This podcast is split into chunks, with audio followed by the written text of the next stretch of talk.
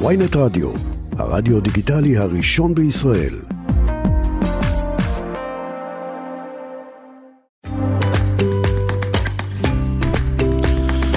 בוקר טוב לכם, מאזיני ynet רדיו, אני רועי כץ, אנחנו נפגשים כאן בכל חמישי בבוקר בשבע לסיכום שבוע המוסף הראשון שלנו לסוף השבוע הקרוב.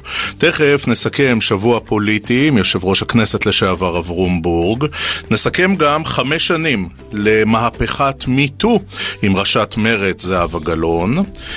ננסה להבין עם יושב ראש לשכת עורכי הדין, המומחה למשפט פלילי, עורך הדין אבי חימי, כמה הרפורמה של סמוטריץ' ורוטמן, שרוצים לבטל עבירת הפרת אמונים ולעשות שינויים בוועדה לבחירת שופטים, כמה הרפורמה הזאת היא משמעותית, כמה היא פרקטית, כמה היא באמת משנה מהיסוד את מערכת המשפט הישראלית. נעזר בדוקטור יובל בן זימן מהאוניברסיטה העברית, להבין למה קשה לנו כל כך כך, בעקבות ההסכם בין ישראל ללבנון על אה, שדות הגז בים, לנהל משא ומתן שבו יכול להיות, רחמנא ליצלן, ששני הצדדים מרוויחים משהו, שזה ווין ווין, שזה לא משחק סכום אפס, שזה לא אחד על חשבון השני, ואולי יש מזה לא מעט ללמוד על איך מנהלים סכסוך בכלל במזרח התיכון. ולקראת סוף השעה שלנו, כמו בכל בוקר חמישי, אנחנו עם שיר לשבת, והיום יגל הרוש, המלחין, המשורר, החוקר, לקראת פסטיבל האוד הבינלאומי בירושלים עם שיר יפה יפה שלו, אבל זה כאמור בעוד כמעט שעה.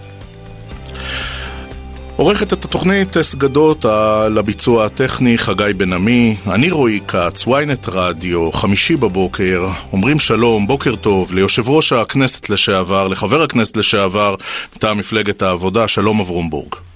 שלום רועי. פחות משבועיים לבחירות עברום, וצריך להגיד שאנחנו יכולים לדבר על אה, מצע ועל אידיאולוגיות, אבל אה, אנחנו פשוט לכודים פה באיזה לולאת זמן. זה תמיד חוזר לכן ביבי, לא ביבי. לכאורה כן, ולא בדיוק, כי זה לולאת זמן, אבל זאת ספירלה. כל פעם שהיא מגיעה לנקודת ההתחלה, היא עולה עוד קומה. אני חושב שמה ששונה בבחירות האלה מן הבחירות הקודמות זה שני רכיבים. הרכיב האחד זה חוק המספרים הקטנים. נראה שהבחירות האלה יוכרעו לא על סמך מי יזכה במה, אלא על סמך מי לא יעבור את אחוז החסימה, איילת שקד מכאן ובל"ד משם. והדבר השני זה שני ההריונות מחוץ לרחם. בצד הימני של המפה יש עובר גדול ובועט שהוא אנטי-דמוקרטי, ובצד השמאלי של המפה יש יסוד גדול ובועט שהוא אנטי-היהודית. והשאלה של גודל הגוש הלא יהודי אבל הדמוקרטי וגודל הגוש הלא דמוקרטי אבל המאוד מאוד יהודי עד כדי יהודי לאומני הם יקבעו את עתיד המפה הפוליטית. אברום, כשאנחנו מסתכלים על ההתחזקות המאוד מאוד משמעותית של איתמר בן גביר, אני בכוונה לא אומר הציונות הדתית ואני לא אומר סמוטריץ', כי זו התחזקות של איתמר בן גביר. אז אתה יודע, יכול להגיד לעצמו, מחנה השמאל ואפילו המרכז בישראל, תגידו, למה אנחנו מתעסקים כל כך הרבה בבנימין נתניהו ובליכוד, כשהאיום הלאומני, כשהאיום הימני, הוא הרבה יותר משמעותי מתלמידו לשעבר של הרב כהנא? אמ, אין, אין גידולים הידרופונים בפוליטיקה, הכל גדל בתוך ערוגה. זאת אומרת, כשנתניהו אה, לחש על אוזנו של הרב כדורי, השמאל שכח מה זה להיות יהודי, הוא יצר כאן ערוגה שבתוכה הגידולים הכהניסטיים, שהם לא עשבים שוטים, הם חלק בלתי נפרד מההוויה היהודית העמוקה, אה, לצערי, שלא עברו תיקון. לצערי, התאפשרו. ולכן כן, כאשר... אבל, אבל, נת... אבל נתניהו אינו כהניסט, ואיתמר בן גביר מאיים קודם כל עליו. יש כאן, אתה, אני חושב שאתה מערבב שני דברים. יש כאן סוגיה אחת שהיא סוגיה, נקרא לה של המהות, וסוגיה שנייה של הפוליטיקה. הסוגיה של המהות היא פשוטה. ככל שאתה זז יותר ימינה בסקאלה השמרנית היהודית בישראל, המושג של עם בחירה מקבל משמעות גנטית, משמעות של אומת דם, ולכן הסתירה בין עם בחירה לבין דמוקרטיה בוחרת גדלה והולכת. נתניהו ורבים מבוחריו בתוך הליכוד, ואתה יכול להקשיב להם אה, בכל מקום, כולל יעקב נאמן, זיכרונו לברכה, שהיה שר מטעמו של נתניהו וגם בא כוחו, שרצה כאן מדינת הלכה, שהיסוד שלה הוא עם בחירה, זוהי תורת גזע. רכה, סמויה, מקובלת ולא חושבים עליה, אבל זאת תורת גזע לא דמוקרטית. הצד השני הוא צד פוליטי, מה שסמוטריץ' הוא הרבה יותר חכם מבן גביר, בן גביר ערמומי, סמוטריץ' חכם מאוד, מה שסמוטריץ' רוצה, הוא רוצה גוש פוליטי שיהיה יותר גדול מגנץ, כדי שנתניהו לא יוכל להגיד לגנץ בוא תחליף עם השלושה עשר שלך את השלושה עשר של אלה, כי הם יהיו יותר גדולים ולא יאפשרו לו בעצם 61 בלעדיהם, וזה הקרב. כן. אברום בורג, בואו נציץ רגע שמאלה.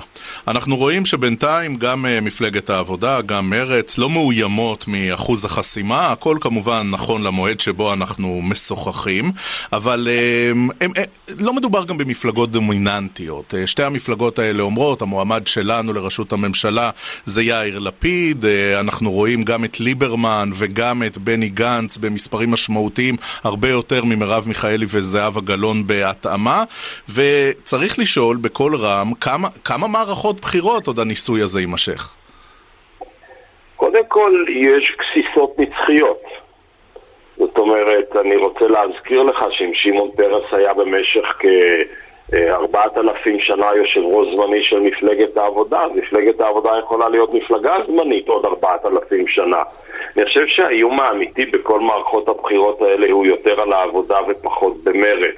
משום שבני גנץ, יפה הבלורית והתואר, הוא בעצם הפרוטוטיפ של הבוחר של מפלגת העבודה. מה, מי, ש... מי שמחפש את רבין של 92 מוצא אותו בבני גנץ של 2022? נכון, סוג של אה, אה, גנרליסמוס מחוספס, אה, שלכאורה לא מבין פוליטיקה, אבל עוסק בפוליטיקה האכזרית והקטנונית ביותר שרק אפשר. עיין ערך הקרב המיותר שלו נגד יאיר לפיד, כביכול מדובר כאן על מרוץ משולש. אה, ולכן האיום האמיתי הוא לא על מרץ, מרץ מובהקת יותר, מדויקת יותר, יש לה קהל בוחרים יותר סגור, יותר ברמה של, הייתי אומר, שכונה מוגנת. מוקפת גדר, מפלגת העבודה לשתות את הקולות שלה, בין אם מדובר ביאיר לפיד שיכול לשתות את הקולות של המבוססים כלכלית, ובין אה, אה, גנץ שיכול לשתות או צריך לשתות את הקולות של הביטחוניסטים בעיני עצמם, אה, מאוימת הרבה יותר. אברום בואו נשוחח על אה, שני דברים שהיו ככה בשולי השבוע הפוליטי הזה, אבל הם אה, קשורים מאוד, הם התרחשו בתקשורת. זו גם ההתקפה של שמעון ריקלין על העצלנים מהפריפריה שלא הולכים להצביע ליכוד, וגם האלוף במילואים גרשון הכהן שתקף את האשכנזים, אחרי זה הסתייג מהדברים, אבל אה, אמר בעצם שיכול להיות שמי שחפץ חיים במזרח התיכון הוא רק מי שמבין כוח, ואת זה אשכנזים לא כל כך מבינים. זרמים. יש פה, יש פה זרמים הם, הם, הם כבר לא תת-קרקעיים, הם, הם, הם כבר לגמרי על פני השטח, שממש, אתה יודע, כל השכלה יוצא החוצה. עם גרשון הכהן אני מהוסף משום שהיינו בעצם 12 שנים, ישבנו אחד ליד השני אה, בבית הספר והיינו חברים מאוד מאוד טובים בילדותנו ולא נוח לי להתבטא אה, כלפי אדם שהוא חבר ילדות שלי אמ, אני אגיד שהוא מבטא שלושה דברים שבעיניי הם אה, בין טיפשיים לאוויליים. הדבר האחד, הוא לא דיבר על כוח, הוא דיבר על כבוד. אמ, הדבר השני, גרשון לא, הכהן... הוא, ש... הוא דיבר על כבוד כעל אה, הרתעה, כעל אה, מרכיב בתפיסת הכוח. תכף אני אגיע לזה. הדבר השני, גרשון הכהן, עד כמה שאני זוכר, בין השאר מגיע ממשפחת ויינגרטן שמוצאה איננו מדרום הרי האטלס. עד כמה שאני זוכר, אני לא יכול להיות שאני לא מדייק. והדבר השלישי, השם, הוא חלק מתפיסת עולם שמרנית, טראמפיסטית, שמסתובבת בכל העולם. היא מאוד נעימה לאוזן של הבוחר הפשטני, היא בכל מקום שבו היא קורית, היא מביאה להרס המערכות באמריקה, בהונגריה, היא מעכלת היום את גרמניה ועוד רגע היא תפיל גם את איטליה כפי שהיא פוגעת בבריטניה ובמקומות אחרים. אני אגיד מילה על תפיסת הכבוד.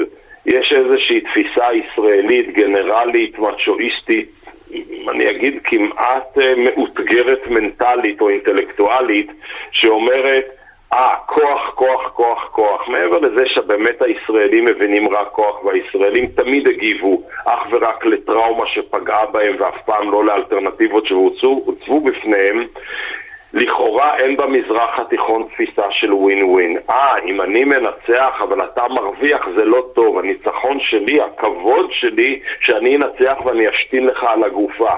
רק ניצחון אגב השפלת היריב הוא ניצחון. זו תפיסה ילדותית, והתפיסה של גרשון הכהן היא ילדותית, שלצערי מאפיינת חלק לא מבוטל מאנשי הביטחון המאוד מאוד מביכים שפרשו מהצבא והצטרפו לפוליטיקה. בני גנץ הוא אחד מהם, אה, גרשון הכהן הוא השני שבהם, פוגל הוא השלישי שבהם, ואני יכול להמשיך ולמנות אותם. אדם אחד בכל הגלריה הזאת לא מביך, ונראה לי שגם לא יביך, וזה גדי איזנקוט. מחשבותיו אחרות, תפיסתו אחרת, ולכן אני חושב הוא בסופו של דבר האיש הכי חשוב במערך הפוליטי של הגנרלים הישראלים. אברום בורג, לשעבר יושב ראש הכנסת, לשעבר חבר כנסת מטעם מפלגת העבודה. תודה אברום, תודה על השיחה. יום מבורך, ביי. האולם אה, כולו, וגם אנחנו, מציינים אה, חמש שנים למהפכת מיטו. זה התחיל אה, בציוץ של כוכבת הוליוודית, אליסה מילאנו, שאמרה, תחלקו, תחלקו אם הותקפתם, אם הוטרדתם, ותגידו מיטו, ומהרגע הזה זו הייתה שריפה בשדה קוצים, באמת, כאירוע גלובלי ש, ש, ששילב הרבה הרבה מאוד דברים. אנחנו רוצים לשוחח על זה, באמת, לא מהזווית ה... הפוליטית, אלא מזווית של אה, עשייה ציבורית ארוכת שנים בתחומים האלה ממש. אומרים שלום, בוקר טוב לראשת מרצ זהבה גלאון. בוקר טוב רועי, תודה. כמה, בפרספקטיבה, כמה זה אירוע היסטורי? אין ספק שזה אירוע היסטורי בגלל שהיו לו מספר נדבכים. אה, הזכרת, אנחנו קוראים לזה קמפיין מיטו. אז בשלב הראשון באמת עלה לסדר היום פשוט בעוצמה סוחפת כל הנושא של ההסכמה, כשנשים סיפרו באומץ גדול, הייתי אומרת, באומץ רב על האלימות שהם חוו, ונוצרו כל מיני אה, דיונים ועדויות, אה, אז זה היה השלב הראשון. ואחר כך, השלב השני היה קמפיין אה, לא התלוננתי, שאלו נשים מה למה לא התלוננת, מה חיכית עד עכשיו, וזה הלך צעד נוסף קדימה, זה לא עשה כבר בשאלה רק אם אישה מסוימת הוטרדה ומהי הטרדה, זה הלך קדימה כי הזרקור הופנה לחברה שבעצם לא אפשרה לנשים לדווח על הפגיעה בהם, שלא האמינה לנשים. הייתי אומרת, רועי, שהקל הראש בגורלן של נשים שהפקירו אותם. והשלב השלישי היה... קמפיין מאמינה לך. צריך להגיד, אם קמפיין לא התלוננתי חידד את הבעיה של מיטו, הציף אותה, הקמפיין של אה, למה לא התלוננתי פירק עוד לבנה בחומה הזאת, ומאמינה לך, הלכנו עד הסוף. אבל מה? צריך להגיד, ברשותך פה עוד חצי משפט. עם כל החשיבות, ו- ובאמת מהפכה ענקית, הבעיה הגדולה, גם בהטרדות מיניות ובתקיפות מיניות, שהם חלק מאיזשהו מערך של יחסי כוח אה, שמוביל לאלימות מינית, והדבר הזה לא מספיק חלחל. אנחנו לא מדברים כאן על סקס, תמיד יש כאן איזה חוסר הבנה, אנחנו מדברים על כוח, על שליטה, וזה קשור לתרבות ולחברה ולכלכלה, ולצערי התובנות האלה עוד לא חלחלו עד הסוף. אני רוצה רגע לתת את הממד הלוקאלי. הרי בסופו כן. של דבר, כשאנחנו רואים כל תנועה גלובלית, יש מאפיינים מקומיים. אין דין MeToo באירופה כדין MeToo באפריקה, כדין MeToo בישראל. עכשיו, אנחנו חברה עם עבר מיליטריסטי עשיר, אה, הייתה פה תרבות מיידל במשך, אה, לא יודע, הרבה הרבה יותר מדי שנים, בכל אה, מקום שבו היה שילוב בין כוח ומגדר בישראל. האם אנחנו צריכים להסתכל על זה כמשהו שהוא מאפיין את החברה הישראלית, ואולי צריך אה, להקל אפילו על תנועת המטוטלת קצת, כי יש פה מהפכה הרבה יותר גדולה, או להגיד לא, באנו פה בתיקון גדול עם מצ'טה חדה, ואנחנו צריכים לבצע את התיקון הזה מהר ככל שניתן. אני כמובן מסכימה עם הסיפה של הדברים. אה, אולי משהו רחב יותר, תראה, המאבק הפמיניסטי בכלל, אה, לא רק בהטרדות מיניות, כמובן זה הדבר חשוב, הוא, הוא מאבק בממסד, והממסד הוא נשלט ברובו על ידי גברים. אמ, הוא מאפיין תרבות שמחפיצה נשים, שמזלזלת בנשים, ובעיניי זה מאבק שנועד גם למען גברים, כדי שגברים ונשים אה, יבנו ביחד, ייצרו ביחד איזשהו עולם שלא מוכתב רק על ידי תפיסות גבריות מעוותות ומצ'ואיסטיות של מי ששירת בצבא, או אם לא היית איתם, או לא יודעת מה פעם אמרו, אם לא צנחת במיתלה, זה משקף את הדור שלי אולי. אז כל המאבק הזה לא צריך להתחשב ולא צריך להיות אה, אה, תלוי אה, סיטואציה או תלוי מדינה, הוא צריך להיות הרבה יותר רחב והרבה יותר גדול, וזה מאבק צריך להיות משותף של גברים ונשים. אני לא חושבת שגברים הם אויבי המאבק הפמיניסטי. חשוב להדגיש את זה, כי לפעמים אה, זה יכול אה, להיווצר הרושם שזה כך. זה צריך להיות מאבק משותף. אה, ש... שאומר בעצם שהחברה יכולה להשתנות. אני ממשיך את התשובה האחרונה שלך, כי מה שקרה, ואני, אה, את יודעת, אני קשוב גם לקולות של אה, גברים ברשת החברתית, הרבה פעמים אמרו, אני, אני, לא, אני לא מרגיש שאני יכול בכלל להצטרף למאבק הזה, כי מהרגע שהפכו את כל הגברים לאנסים ואת כל הנשים לקורבנות, אז, אז איך אני משתלב בדבר הזה? אז לכן אני ציינתי את זה, כי אני חושבת שאסור לראות בזה מאבק אה, נגד גברים, צריך לראות בזה מאבק משותף ליצירת מרחב בטוח לנשים. שאנשים תוכלנה, נשים שהותקפו, שהוטרדו, שהן תוכלנה לשתף את הסיפור שלהם בציבור, שהן תוכלנה לקבל מחדש את השליטה, הייתי אומרת, על הנרטיב של החיים שלהם, שגם גברים יוכלו להגיד, וגם, ודרך אגב, גם גברים מספרים כמובן, זה, אנחנו לא מדברים על אותן פרופורציות, ואנחנו רואים גם שינוי אה, בקהילה הלהט"בית, אבל כדי שהם יוכלו לא להירתע אה, מתלונות עתידיות, שהם יוכלו לספר על הפגיעה שהם חוו, זה צריך להיות מאבק משותף, נכון, יש יחסי כוח, נכון, אה, החברה, הישראל, החברה הישראלית בכלל, אבל החברה, אה, אה, בפרט, והחברה בכלל אה, בנויה ממאבקי כוח ושליטה, והדבר הזה צריך אה, לפרק אותו בשורה של רבדים. אה, בכל, הייתי אומרת, הממסדים, אבל אני לא רואה בזה מאבק אה, נגד גברים, אלא זה צריך להיות מאבק משולב נגד מי שפוגע אה, בנשים. זהבה גלאון, את לא זרה בוודאי לטיעון שאומרים, במיוחד אה, גברים מפעם, אבל לא לא רק. הם אומרים, תקשיבו, אתן הרגתם את הרומנטיקה, אי אפשר כבר להחמיא לאף אחת במקום העבודה, אני מקפיד לנהל אה, שיחות עם נשים במקום העבודה רק עם דלת פתוחה, מי יודע מה היא תגיד עליי אחרי זה ותאשים אותי. הרגתם את uh, מערכת היחסים האנושית, הבסיסית, הקדומה, בין נשים וגברים. כן, והם גם מוסיפים, אה, זה אפרופו החוק למניעת הטרדה מינית, מה פתאום שחוק פלילי יתערב בעניינים שבינו לבינה? טוב, זה שטויות, זה עניין של הפנמה והבנה שכללי המשחק השתנו. תראה, אה, רועי, חיזור ורומנטיקה צריכים להתקיים בהסכמה בין הצדדים. המילה, אה, מילת המפתח היא הסכמה. הטרדה מינית מתקיימת רק במקום שבו אחד מהצדדים לא מעוניין, אינו מעוניין במגע שהצד השני מנסה לכפות עליו. לכן כדאי גם שגברים יפנימו שישתנו כללי המשחק, ואנחנו בעולם אה, שרוצה לעודד נשים שהוטרדו או תקפו מינית, אה, לחשוף את מה שהם עברו, אה, לתייג, זה מה שעשה אה, קמפיין מיטור. אבל פה אני נכנס רגע לשדה מוקשים שאולי עדיף היה לי לא להיכנס אליו, אבל אני מרגיש, אני מרגיש בנוח. אוקיי. יכול להיות שיש איזה תחום אפור שבו אדם מתנהג כבהמה. וראוי אה, לסתור לו או לדחוף אותו או להכיר בו כבהמה באופן קולני, אבל זה עדיין לא הופך אותו לעבריין מין. כדי שאדם אה, יהפוך לעבריין מין אה, צריכים להתנאה, אה, להתקיים מספר תנאים אה, כפי שהם מופיעים בחוק למניעת הטרדה מינית. אם כמה מהתנאים האלה או אחד מהתנאים האלה מתקיים, אז, אה, אז הוא עבריין. אם התנאים האלה לא מתקיימים, אז הוא בהמה כמו שאתה אומר. אני חושבת שיש חשיבות דרמטית אה, לחוק עצמו, לחוק אה, אה, למניעת הטרדה מינית שבישראל נחקק כבר ב-98.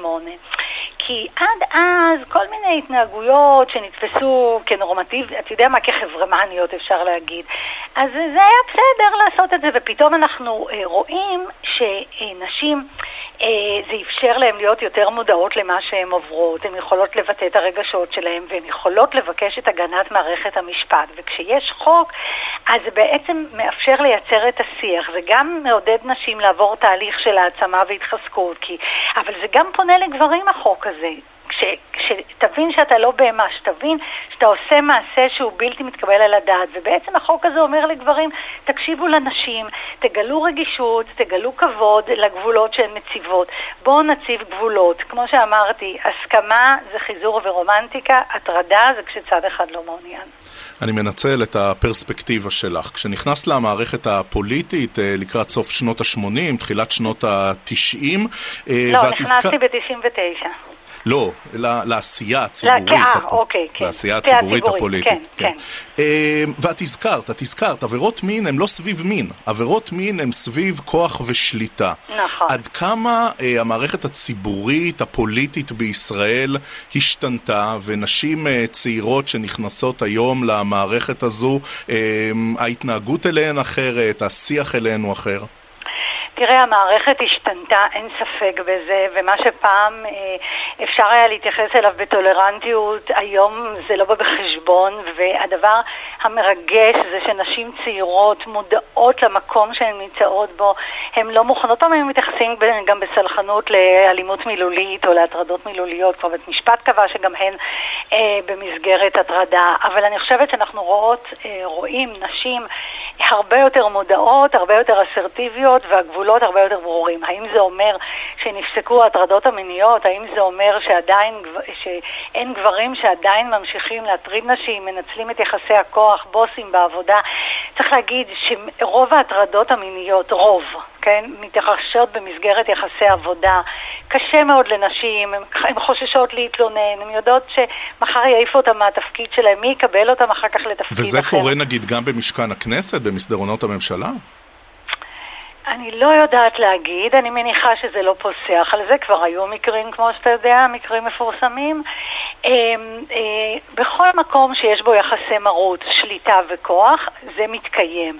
השאלה זה המינון והשאלה זה העוצמה. אה, אני לא יודעת להגיד על דברים ספציפיים, בזמנו כל, כל תלונה על הטרדה מינית, החל מאיציק מרדכי, תקיפות מיניות, דרך סילבן שלום, חיים רמון, כל מי שאתה רוצה, אה, כולם הגיעו אליי. היום אני קצת מחוץ למערכת באספקט הזה, אבל איך תדע.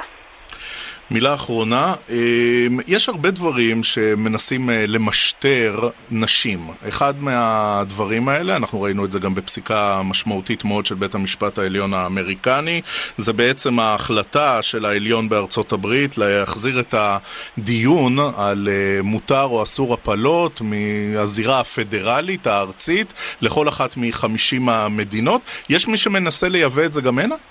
כן, בהחלט. אני חושבת שהטרלול אה, האמריקאי אה, מגיע לישראל, הגיע לישראל. אותה אגודה פדרליסטית שבמשך 50 שנה אה, דאגה לדחוף לבית המשפט העליון, אנשים עם תפיסת עולם ריאקציונרית, הייתי אומרת, הקימו סניף בישראל לפני שנתיים או שלוש, שהמטרה שלהם לשנות את הרכבו של בית המשפט העליון בישראל. השותפה של, סליחה, המשת"פית שלהם בארץ הייתה איילת שקד במינויים שהיא מינתה, ואני מאוד מוטרדת, פתאום אנחנו יכולים למצוא את עצמנו. אבל אין בכלל שיח הפלות בישראל, זה, זה נושא אה, קיטוב אמריקני שלפה לא הגיע אף פעם באמת. תראה, אני כבר העליתי לפני למעלה מעשור, או לפני 15 שנה, את הצורך לבטל את הוועדות להפסקת הריון. בישראל ממשטרים את ההפלות, אישה לא אחראית על גופה, היא צריכה לעמוד בפני ועדה שצריכה להגיד לה אם היא יכולה או לא. לא, זה אם היא רוצה שיהיה לזה מימון ציבורי. למשל, אז מה זה גורם? זה גורם לזה שנשים שידן משגת, אז הן לא הולכות למימון, לרופא ציבורי, בשירות הציבורי. ונשים עשירות, אה, נשים עשירות אה, אה, יוצאות מזה, ונשים שלא יכולות בעצם נזקקות לעמוד בפני ממסד רפואי, או צריך לה... רפואי ואחר. צריך לציין בעניין הזה באמת את הרפורמה בהפלות שעשה שר הבריאות. וחברות הכנסת רוזין ולסקי. באמת, רפורמה משמעותית כדי שרק אישה תחליט על הגוף שלה, אה, זה לא מספיק, אבל החשש הזה מפני אה, השגה לאחור סליחה, של הישגים בענייני נשים על ידי בית המשפט העליון קיימת, לא רק בעניין ההפלות, ואני מציעה לכולנו להיזהר ולחשוב למי אנחנו מצביעים בבחירות כדי שהדבר הזה לא יקרה. זהבה גלאון, ראשת מרץ, תודה. תודה רבה תודה, על השיחה. תודה, יום טוב, בוקר טוב.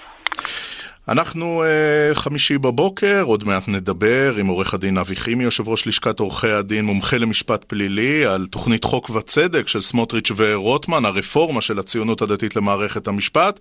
נדבר גם על איך מנהלים סכסוך בעקבות uh, ההסכם בין ישראל ללבנון על סוגיות הגז, האם אנחנו מסוגלים לנהל בכלל סכסוך שבו שני הצדדים מנצחים, ולא אחד על חשבון השני. אני רועי כץ, חמישי בבוקר, ynet רדיו, הפסקה קצרה, תכף חוזרים. עכשיו, בוויינט רדיו, הבוקר עם רועי כץ. הבוקר בוויינט רדיו, המוסף הראשון שלכם לסוף השבוע, אני רועי כץ, אנחנו ממשיכים, רוצים אה, לשוחח על תוכנית חוק וצדק שהציגה השבוע מפלגת הציונות הדתית, סמוטריץ' רוטמן, היא עוררה סערה גדולה, אנחנו נעזרים לעניין הזה ביושב ראש לשכת עורכי הדין, מומחה למשפט פלילי, שלום, בוקר טוב, עורך הדין אבי חימי. בוקר טוב רועי, לך ולמאזינים. שמעת את התוכנית של, את הרפורמות שמציגים אה, סמוטריץ' ורוטמן, והם אה, אומרים, אנחנו באים לתקן את מערכת המשפט הישראלית. זה תיקון? אני אומר לך כך אה, דברים ברורים וצלולים. לא מדובר בתוכנית של חוק וצדק, אלא מדובר בתוכנית של חוק וחוקן. חוקן לדמוקרטיה הישראלית, חוקן למערכת המשפט, חוקן למאבק בשחיתות הציבורית, למעשה אם לא היה מדובר בגימיק בחירות, האדמה הייתה בוערת. הרפורמות הללו מתאימות לאיראן, לא מתאימות למדינה דמוקרטית ולאופייה של מדינת ישראל. התוכנית של אה, סמוטריץ' ורוטמן היא לנכס את מערכת המשפט לפוליטיקאים. הם מדברים על הפרדת רשויות, ומה שהם רוצים זה לקבוע מי יהיו שופטי ישראל, איזה חקיקה תהיה וכן הלאה. אגב, הם יכלו לעשות את השינויים בהפרת אמונים, הם היו חברי כנסת אה, תקופה לא קצרה. כל אחד מגיש הצעת חוק פרטיות אם הוא חושב שהוא רוצה לתקן משהו. כל התוכנית הזאת היא הבל הבלים, היא מסוכנת לדמוקרטיה, לא ראוי בכלל לדון בה. אתה אומר הבל הבלים, ואתה אומר זה גימיק בחירות, אבל לפחות לפי מספר המנדטים שחוזים הסקרים לציונות הדתית, זה מאוד יכול להיות שהתוכנית הזאת תהיה תוכנית כמעט אה, ממשלתית, כמעט רשמית של הממשלה הבאה של מדינת ישראל. רועי, בגלל זה אני מוטרד uh, ימים ארוכים מהשיח uh, במדינה. מדובר בשיח רע, פייק ניוז, שמשפיע על הציבור שלא בקיא בעולם המשפט, וצריך לתקן המון דברים במדינת ישראל. את יוקר המחיה, את התחבורה, את הרווחה, את הבריאות, את הביטחון האישי. הם נתפסים לגימיקים זה ותו לא. עכשיו, הגימיקים הללו, עצם השיח שהפוליטיקאים יבחרו שופטים, שהם יפרקו את לשכת עורכי הדין, דברים מן הסוג הזה, כל מי שלא מוצא חן בעיניו, כל מי ששומר על זכויות אדם, כל מי שמקפיד על הדמוקרטיה הישראלית, מבחינתם הוא פסול ונפסד. אני שואל אותך, רועי, לשכת עורכי הדין זה גוף שממומן על ידי החברים, לא מקבל סיוע מדינתי. מה מפריע להם לשכת עורכי הדין? מפריע להם העובדה שאנחנו עומדים על המשמר, שאנחנו מקפידים על שלטון החוק. הם יכולים לבחור שופטים? היית רוצה לבוא להישפט בפני שופט שנבחר בגלל העמדות הפוליטיות שלו, או אה, להופיע בפני שופט שנבחר בגלל המקצועיות המשפטית. אבל אני מסתכל, עורך הדין אבי חימי, על uh, האחות הבכירה בארצות הברית, שם שופטי עליון מגיעים לשימוע בקונגרס, ואומר הציבור, את, ה, את, את חברי הקונגרס שלנו אנחנו בוחרים, את השופטים אנחנו לא בוחרים, אז uh, שנבחרי הציבור יחליטו מי יהיו שופטי העליון. רועי, לקחת רכיב אחד מארצות הברית זה חוכמה מאוד קטנה. בארצות הברית יש חוקה. זכויות האדם ממוסמרות בחוקה ברורה וידועה. אצלנו חוקי יסוד, הפוליטיקאים משנים אותם חדשות לבקרים. אי אפשר לקחת רכיב אחד ולהלביש אותו על מערכת המשפט שלנו. אני אומר כאן, רועי, לציבור המאזינים, יש לנו מערכת משפט טובה מאוד. יש לנו פרקליטות איתנה וחזקה של אנשים שעושים מלאכתם מלאכת קודש. נאמנים, מסורים למדינה. וכל ההצעות של, של סמוטריץ' ורוטמן, ועברתי על התוכנית שלהם, פשוט מתאימה לאיראן, לא מתאימה לישראל. אין שום סיבה לפגוע במערכת המשפט, שהיא מערכת משפט בין הטובות בעולם, שמה הולך לפניה, והם נאחזים במערכת המשפט כאילו היא זו שתפתור את כל הבעיות של המדינה. אני הייתי מציע להם, לסמוטריץ' ורוטמן, להכין תוכנית איך אנחנו משפרים את איכות חברי הכנסת שמגיעים לכנסת ישראל. זה היה עדיף, האמן לי. עורך הדין אבי חימי, ברשותך, בוא נדבר על הרצון של סמוטריץ' ורוטמן לבטל את עבירת הפרת אמונים. בוא ננסה להוציא את בנימין נתניהו מהשיח הזה, כי אחרת מדברים תמיד רק על נתניהו. תראה, זאת עבירה אמורפית לגמרי, אין לה בכלל הגדרה, מדביקים אותה תמיד בתור איזו עבירה נוספת בכל uh, כתב אישום. יכול להיות שצריך לעשות איזו קונקרטיזציה לעבירה הזאת, ולהגדיר אותה סוף סוף. רנה רועי, אה, אכן העבירה הזאת היא, היא אה, לא מדודה עד הסוף, היא לא מדויקת, היא לא הדוקה. אבל יחד עם זאת, אנחנו צריכים לקרוא את הפסיקה של בית המשפט העליון. כאשר איש ציבור עובר עבירה של הפרת אמונים, זה ברור, רואים את זה כמו שרואים פיל בחדר. עכשיו הם לא מבינים במשפט פלילי דבר וחצי דבר. עבירה של הפרת אמונים היא עבירה פחותה מעבירת שוחד. ברגע שהעבירה הזאת תבוטל, אז לעולם יאשימו בשוחד ולא בהפרת אמונים. האמן לי, איש ציבור שפועל בניגוד עניינים, שפועל מתוך גחמות אישיות להדיר את כוחו, הוא יודע מה הוא עושה. העבירה הזאת אכן היא אה, לא אה, הדוקה עד הסוף, משום שההתנהגות האנושית לא הדוקה עד הסוף. כל פוליטיקאי, או לא כולם, חלק קטן, אה, פועלים בניגוד עניינים שזה מהווה עבירה של הפרת אמונים, אבל אפשר לדבר על כל נושא. לא, אבל אתה יודע, לדבר... זו מין כזו עבירה שבאמת היא, היא יותר עוסקת ב, בנורמות, ונורמות זה גם דבר שמשתנה ממקום למקום, ומשנה לשנה, ו, ומתחום לתחום, ו, ו, ויכול להיות שדווקא במקרה הזה, סמוטריץ' ורוטמן עלו פה על משהו, גם, אה, אתה יודע, אה, על פי עמדתם של המתנגדים לרפורמה המאוד מרחיקת לכת שלהם. אני, אני לא, לא מקבל את זה. ראשית אני אומר, אפשר לדון בכל נושא, בכל דבר. השאלה העיתוי והשאלה הכוונה. אגב, אני אה, מעולם, כבר חודשים ארוכים, מנסים שאני אה, אתבטא בנושא המשפט של ראש הממשלה לשעבר, ואני אומר, כל הפרשנים למיניהם שמפרשים כל עת ועת, ראשית הם עוברים על החוק, יש סוביודיצה. המשפט הזה תלוי ועומד, תניח לו, יש פרקליטים טובים, יש סנגורים טובים, יש בית משפט מקצועי, יחליטו בגורל המשפט. זה לא קשור לשיח. אין מה לשוחח על משפט נתניהו. צריך לדבר על הרפורמה שלהם. השימוש במילה רפורמה זה אה, שימוש שגוי. הם משיגים אותנו לאחור. הם רוצים לפגוע באופייה של מדינת ישראל, באופי הדמוקרטי, השוויוני. אנחנו מדינה יהודית, דמוקרטית, שוויונית, עם ערכים של זכויות אדם. כל מה שהם רוצים זה לא להפריד רשויות. הם רוצים לאמץ, הם רוצים לנכס לעצמם את מערכת המשפט. הם רוצים לקבוע הכל, הם לא רוצים שיהיה איזשהו גוף שיבקר את המעשים שלהם. ככה הם רוצים, הם רוצים לפעול כפי שעולה על רוחם, בלי שום מגבלה. יושב ראש, לא לשכת עורכי הדין אבי חימי, יש לי שאלה, יכול להיות שמערכת המשפט, אה, אתה יודע, גם שופטי העליון בזמנו, הם קצת אה, זלזלו, הם קצת אה, לא הבינו את מי שהעביר עליהם ביקורת בצורה שהייתה הרבה יותר מתונה, נגיד שר המשפטים לשעבר, פרופסור דניאל פרידמן, ואז כשלא מקבלים את הביקורת הזו, אתה פתאום מקבל את זה מועצם פי כמה וכמה על ידי דמויות פוליטיות כמו סמוטריץ'. רנה, ראשית, כל המערכות, גם מערכת המשפט, עוברת שינויים תכופים. למשל, מערכת המשפט החליטה שהשימוע לבחירת שופטי עליונים, שופטים עליונים, ישודר בשידור ישיר לכל אזרחי ישראל. למשל, בית המשפט העליון משדר לאזרחי ישראל תיקים בעלי אה, משמעות ציבורית, תיקים גם פליליים וגם תיקים ש, שעוסקים במשפט חוקתי. יש התקדמות. זה לא נכון לומר שמערכת המשפט מקובעת. מערכת המשפט, מי שמופיע בפניה יום-יום, זה אנחנו, עורכי הדין. אנחנו רואים אנשים עמלים, רציניים, מקצועיים. אגב, שופט במדינת ישראל, מונחות לפתחו אלפי תיקים בשנה. אין לזה אח ורע בשום מערכת משפט בעולם.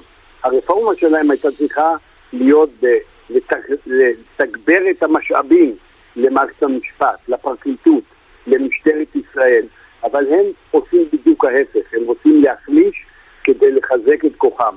ואני אומר לך, רועי, אני מוטרד שאנשים כמו סמוטריץ' ורוטמן ינהלו את חיינו, ינכסו לעצמם את מערכת המשפט.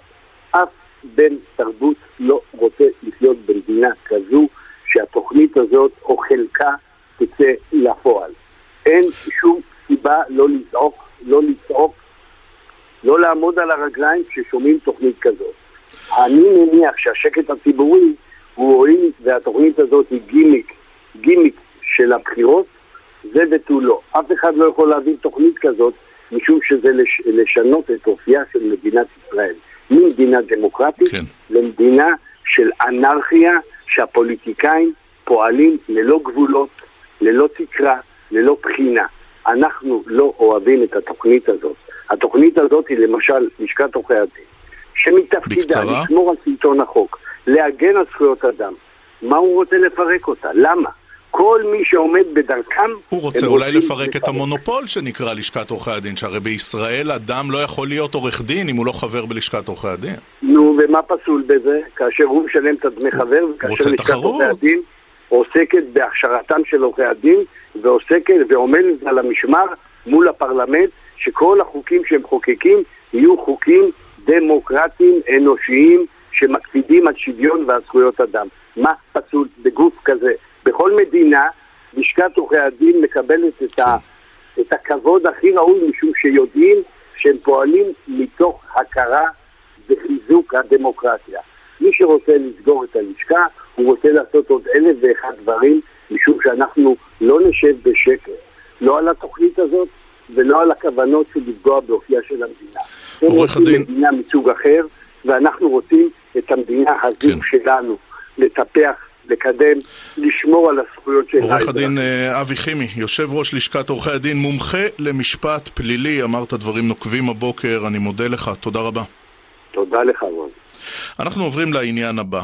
אה, ההסכם בין ישראל ללבנון, הוא עוד יגיע לערכאות אה, משפטיות ויצטרך לקבל את האישורים המשפטיים, אבל בינתיים אנחנו רואים קושי גדול בהבנה שיכול להיות אה, סכסוך, כן, אפילו פה, במזרח התיכון, שהוא סכסוך שבו... שני הצדדים מרוויחים. כל כך התרגלנו או להכות את הצד השני, או לפעמים שמכים אותנו, שנדמה שהמצב הזה של ווין ווין, ממש קשה להסביר אותו. אבל מי שיעזור לנו בעניין הזה, הוא הדוקטור יובל בן זימן מהתוכנית לחקר סכסוכים באוניברסיטה העברית בירושלים. בוקר טוב, דוקטור.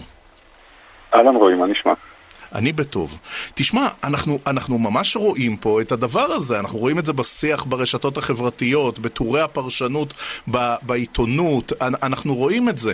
את הקושי הגדול להבין שיכול להיות סכסוך, גם פה, שבו אין מנצח או מפסיד. וואלה, או ששני הצדדים הפסידו קצת, או ששני הצדדים הרוויחו קצת.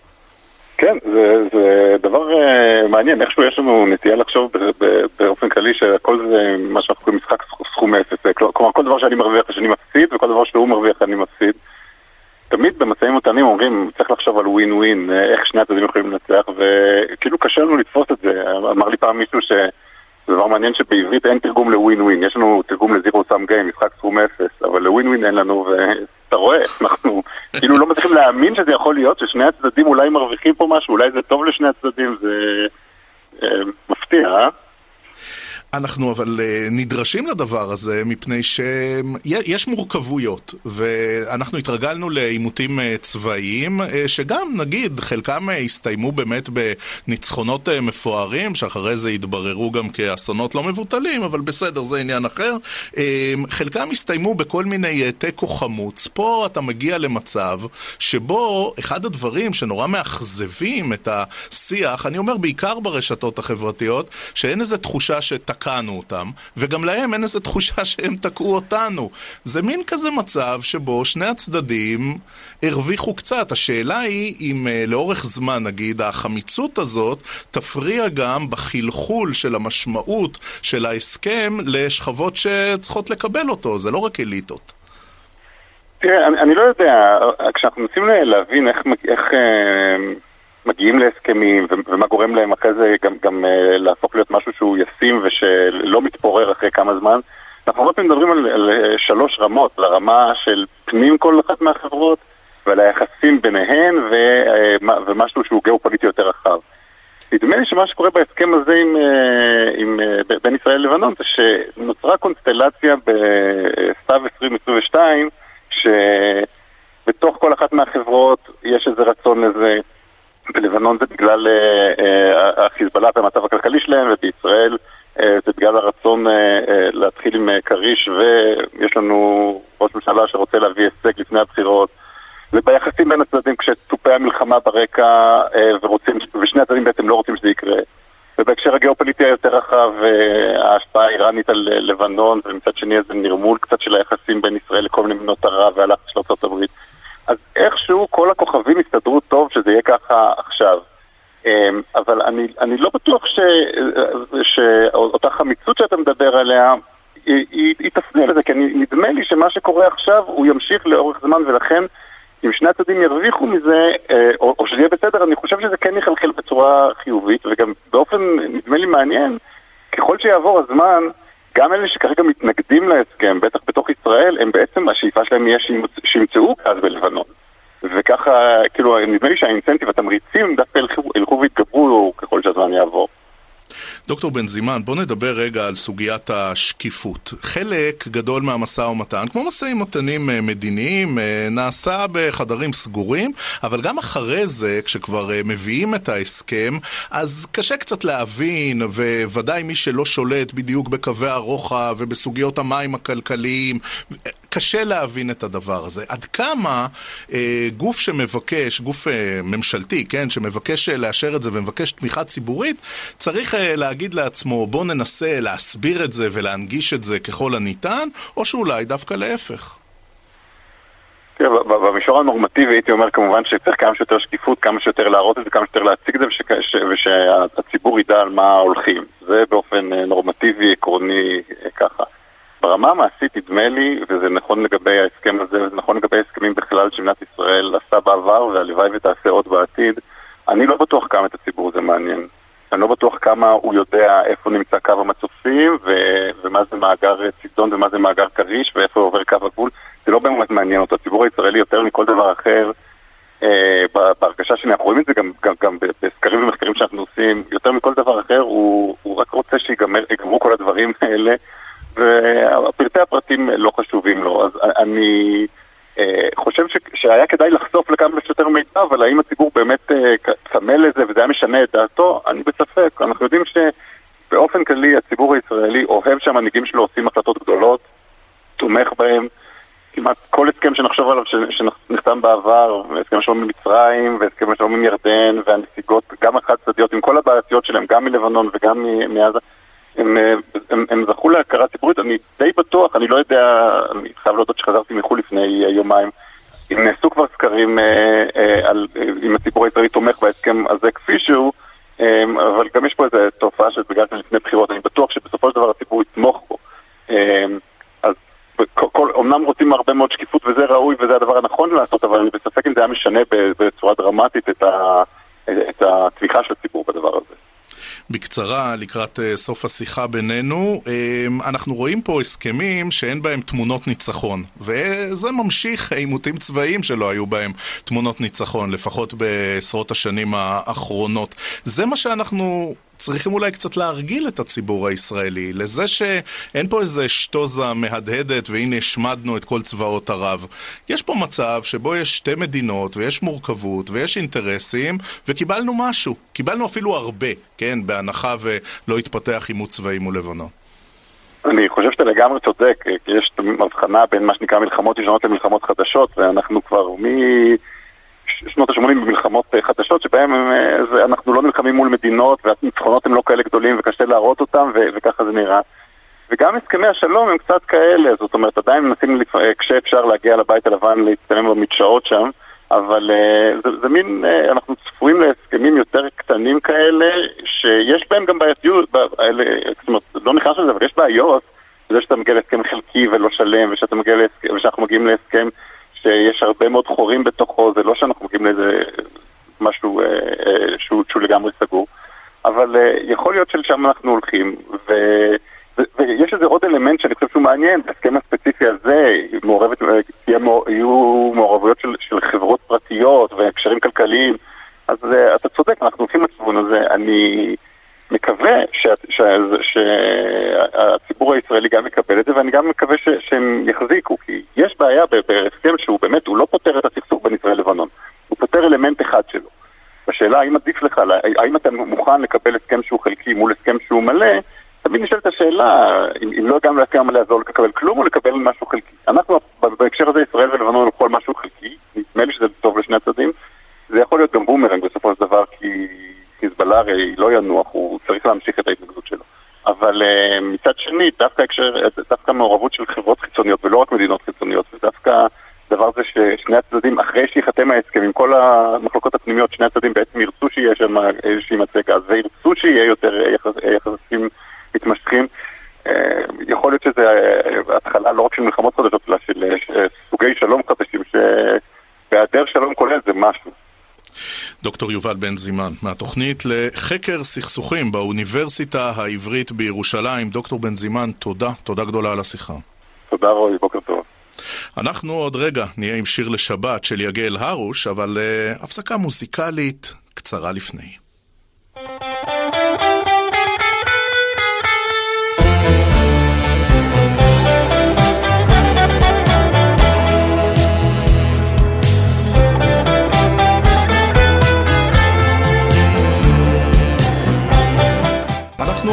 ממשיכים אחרי אה, להביא אותי של שי צברי, אנחנו מסכמים כל תוכנית שלנו ביום חמישי עם שיר לשבת. בוקר טוב למלחין, למשורר, לחוקר. שלום יגל הרוש.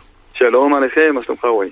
אני בטוב, אני מקווה שגם אתה, אתה ראש בית המדרש למקם ופיוט בקולנה בירוחם, ואנחנו גם נערכים לפסטיבל האוד הבינלאומי בירושלים, ואנחנו אה, רוצים לשמוע שיר יפה יפה שלך, והסיבה שאני ככה מריץ אותנו ישר אל השיר, יגל, היא, תכף גם נדבר אחריו, אבל זה שיר יחסית ארוך, ואני רוצה שתקריא לנו את כולו. אה, הוא באמת שיר ארוך, אז אני אקריא ממנו מקטע, ואחר כך נגיד בעצם על הקשר שלו למופע שאנחנו מעלים בפסטיבל האוד הבינלאומי בירושלים, בניהולו האמנותי של אפי בניה. מעולה. אז השיר אה, הוא בעצם ניסיון לכתוב כתר מלכות, כתר שבור, אה, בתוך עולם אה, ממוסך. אז הוא, אני אקריא אותו. מופיע בתוך קובץ השירה שלי, שירים לחצות הליל, דיוואן יגל בן יעקב. להללך חפצתי ולא ידעתי במה, כי את נפשי עבדתי ועשיתי הבמה. תאוותי בה נסחתי מתאוותך עירומה, מול בריאתך הרמה, עומדת דוממה, נותרה שוממה, אור עיניה כסומה. אם לא יואר בשיר עולמה, תרד חיים שאול דומה. אם רעיוני בי נסכלו ולא נותרה בחוכמה, ויצרי אורך מסתיר כהסתר ענן אור חמה, אנקוט בינת הלבנה, בכסה לאורה הומה, כמותה אף נפשי, לט לה הדבר מגרמה. ברכי נפשי ועורי מתנומה, ביני מקומך כחוצבת מרמה, שירך בקשי כי בו נחמה. בבקשה גם את החלק האחרון של השיר. רוחך נפחת בעפר מן אדמה, ונפש ממללת שמת באחרית תולעה ורימה. אתה הוא הנושם בי כל נשימה, ואיבריי כצללי שיעור קומה, נעים וברצונך נחים ממהומה, וחיותך הצלת על גוף כלי מה, אחפוץ להלל הווייתך בלימה, ואזמרך לנצח בעודי, אף אם לעד לא אמצא במה. יגל הרוש, זה גם כל כך כל כך יפה וכל כך כל כך מרשים, ואני מקווה שאתה לא תסמיק מהצד השני של קו הטלפון אם אני אגיד שזה לגמרי מזכיר שירה שלפני כמעט אלף שנים. אז אני כן מסמיק, ו... ואני שמח על זה מאוד, על... כי זה היה באמת ניסיון, אני חייב להודות שזה לא ניסיון הכי מוצלח בעצם להתכתב עם אבן גבירול. או, זה ניסיון הרי... מוצלח מאוד מאוד. תודה רבה. הלוואי. אז איבן גבירול הוא באמת, הוא כתב את שפל רוח, שפל דרך וקומה, אקדמך ברוב פחד ואימה, כן, זאת אומרת, הניסיון היה באמת להגיד שהשירה הזאת, שאנחנו עכשיו מחדשים אותה כל הזמן בכל מיני אירועים, היא עוד שירה שהולכת ונכתבת. ו...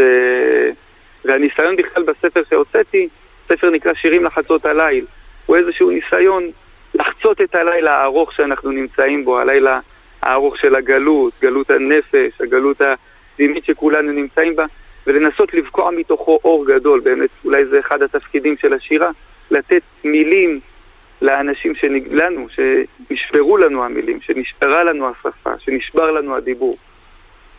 ואני אגיד בזהירות, מפני שבאמת, אני הדיוט גמור בתחום, שאתה מנגיש את זה. אני, אני, אני מבין את השירה שלך. זה לא מסוג הדברים שאני צריך אה, ביאור ותרגום. אני מבין. זה, זה מאוד משמח אותי. אני, אני חושב שאולי גם, כאילו, במיוחד שירה כזאת, דור, זה, זה קצת אנטיתזה לתקופה שאנחנו חיים בה, כי שירה, במיוחד כזאת, היא דורשת עצירה. כאילו... אי אפשר לקרוא שירה בתוך האוטוסטרדה של החיים, היא כופה עלינו אתה אומר זה, יצליח, זה יצליח פחות בטיק טוק. אה, כנראה, כנראה, כנראה. לא, לא, חייב להודות שלא ניסיתי, אבל מי יודע, מי יודע, זה דור, זה דור, אה, דור תהפוכות, הכל יכול להיות בו. יגל הרוש, מלחין, משורר, חוקר, אה, ומי שיופיע בפסטיבל האוד הבינלאומי נכון, בירושלים. אני רק אומר שבאמת כל, ה, כל הרעיון, הרעיון של מה שעכשיו הקראתי זה ניסיון לכתוב כתר, את כתר, להמשיך את הכתר מלכות של אבן גבירול. את הכתר עצמו אנחנו נעלה בעזרת השם בשמיני ל-11 בפסטיבל האוד, נערך שם את, את uh, זיו יחזקאלי, לחנים חדשים. לכתר מלכות פאר יצירתו של אבן גבירול. ואנחנו מאוד שמחים שנתנו ולקחנו בדבר הזה חלק הבוקר בוויינט רדיו. יגל הרוש, תודה, תודה רבה ובוקר טוב, סוף שבוע נעים, שבת שלום. תודה רבה לכם שאתם נותנים מקום למילים. תודה. תודה לך. אנחנו uh, מסכמים את הבוקר הזה. נשתמע בשבוע הבא, חמישי, שבע בבוקר, כאן בוויינט רדיו. מיד אחרינו, מורן אזולאי, קובי בורנשטיין, נגיד תודה לחגי בן עמי, שהיה על הביצוע הטכני, לטס גדות, שערכה סוף שבוע נעים לכם. שבת שלום. כי את נפשי עבדתי ועשיתיה במה תאוותי בה נסחתי מתאוותך, עירומה.